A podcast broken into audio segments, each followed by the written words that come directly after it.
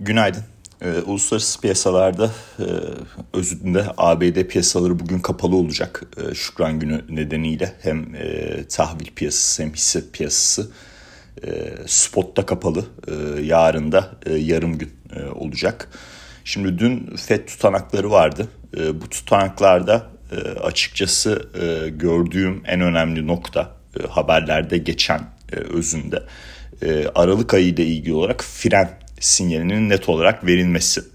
E, artık 75 bas puan artışlardan ayrılarak daha düşük e, bir e, artış, faiz artışı patikasına geçiş şeklinde.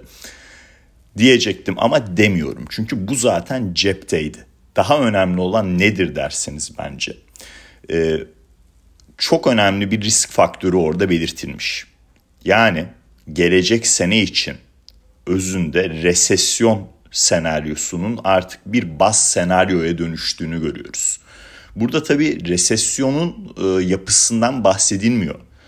E, ancak e, benim anladığım kadarıyla e, tutanakların genelinde istihdam piyasasının artık aşırı sıkı olmadığını belirtmesi ama çok da kötü olmadığını vurgulamasıyla hafif bir resesyon yani işsizlik oranının 3.7'lerden işte 3 4.3 4.5 noktalarına gitmesi e, vesaire veya biraz daha onun üzerine çıkması şeklinde e, bir e, yapıda olabileceğini anlıyorum. Ağır bir resesyon çok daha yüksek bir işsizlik oranına denk gelir e, gelecek sene için. E, böyle bir şey olabileceğini çok zannetmiyorum ama en azından demek ki son zamanlarda şirketlerden aldığımız hatta son uzunca bir zamandır şirketlerden aldığımız işten çıkarma haberlerinin yavaş yavaş FED tutanaklarına da farklı noktalardan girdiğini yani işte tüketim tarafını düşündürerek, e, konut sektörünü düşündürerek günün sonunda e, bir resesyon olacak mı olmayacak mı noktasına e, vardıklarında bir böyle bir risk faktörünün yavaş yavaş bir bas senaryoya dönüştüğünü belirtmesi çok çok önemli bir değişken. Bu önemli. Niye önemli? Şimdi politika faizi çok daha yukarı bir seviyede sonlanabilir e, açıklaması var. E, daha önceki o belirttikleri 4.6'lık projeksiyondan.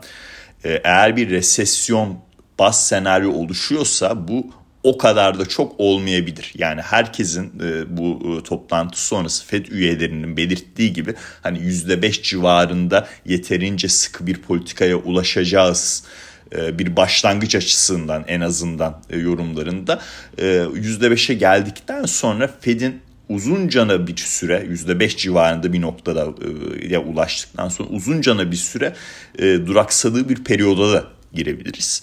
Şimdi tabii yani e, bence en önemli nokta bu. E, bir diğer nokta bu işte yüksek faiz artışlarında e, işte çok ufak bir kısım e, yani frene basmayalım demiş. E, ona karşılık gelen cevap da e, o zaman kümülatif bir e, toplam faiz artışları e, gerekli olan faiz noktasından çok daha yukarıda olabilir şeklinde vurgu yapmış. Bu da önemli.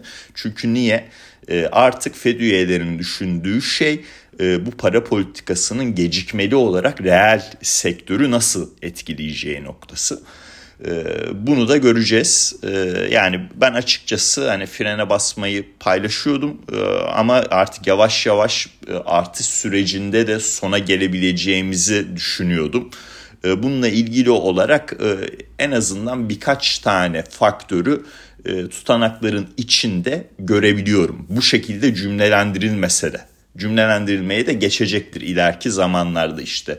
E, bir sonraki enflasyon verisinde de e, Ekim ayına benzer e, bir rakam alırsak ve tarım dışı istihdam verilerinde hafiften bozulmalar görülmeye başlanırsa göreceksiniz aslında faiz artışında belki bir pivot değil yani azal, artıştan azalışa geçiş değil ama en azından durma noktasına doğru e, yaklaştığımızın e, sinyalleri e, gelmeye başlayacaktır diye düşünüyorum.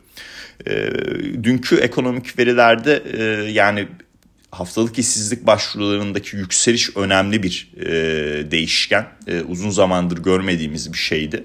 E, demek ki istihdamla ilgili olarak e, ufak ufak da olsa resmi rakamlarda risk faktörlerini yavaş yavaş görmeye başlayabileceğimiz bir döneme girebiliriz. Diğer taraftan PMI verileri ABD'de e, beklenti altında geldi. E, yanlış hatırlamıyorsam e, biliyorsunuz yani çok acayip bir şey sürecindeyim. Ziyaret sürecindeyim. Müşteriler olsun, şubeler olsun zamanla yarışıyorum. Yanlış hatırlamıyorsam 50 yani seviyesinin daralmayla genişleme aralığının 50'nin altında da rakamlar açıklandı. Demek ki ABD tarafındaki o ekonomik verilerde de bu bozulma noktası karşımıza yavaş yavaş daha fazla çıkabilir noktası. E, tabii bunların totalinin e, getirdiği şey ne? Piyasalar açısından e, S&P 500 hafif bir resesyonu 2022 içinde fiyatladı arkadaşlar. Onu söyleyebilirim. Ağır bir resesyon fiyatlamadı. Dolayısıyla böyle ekonomik veriler kötüleştikçe Fed sona yaklaşabilir düşüncesi altında endekslere alım gelmeye devam ediyor. Ee, işte 4060 e, e, seviyesinde 200 günlük ortalaması var.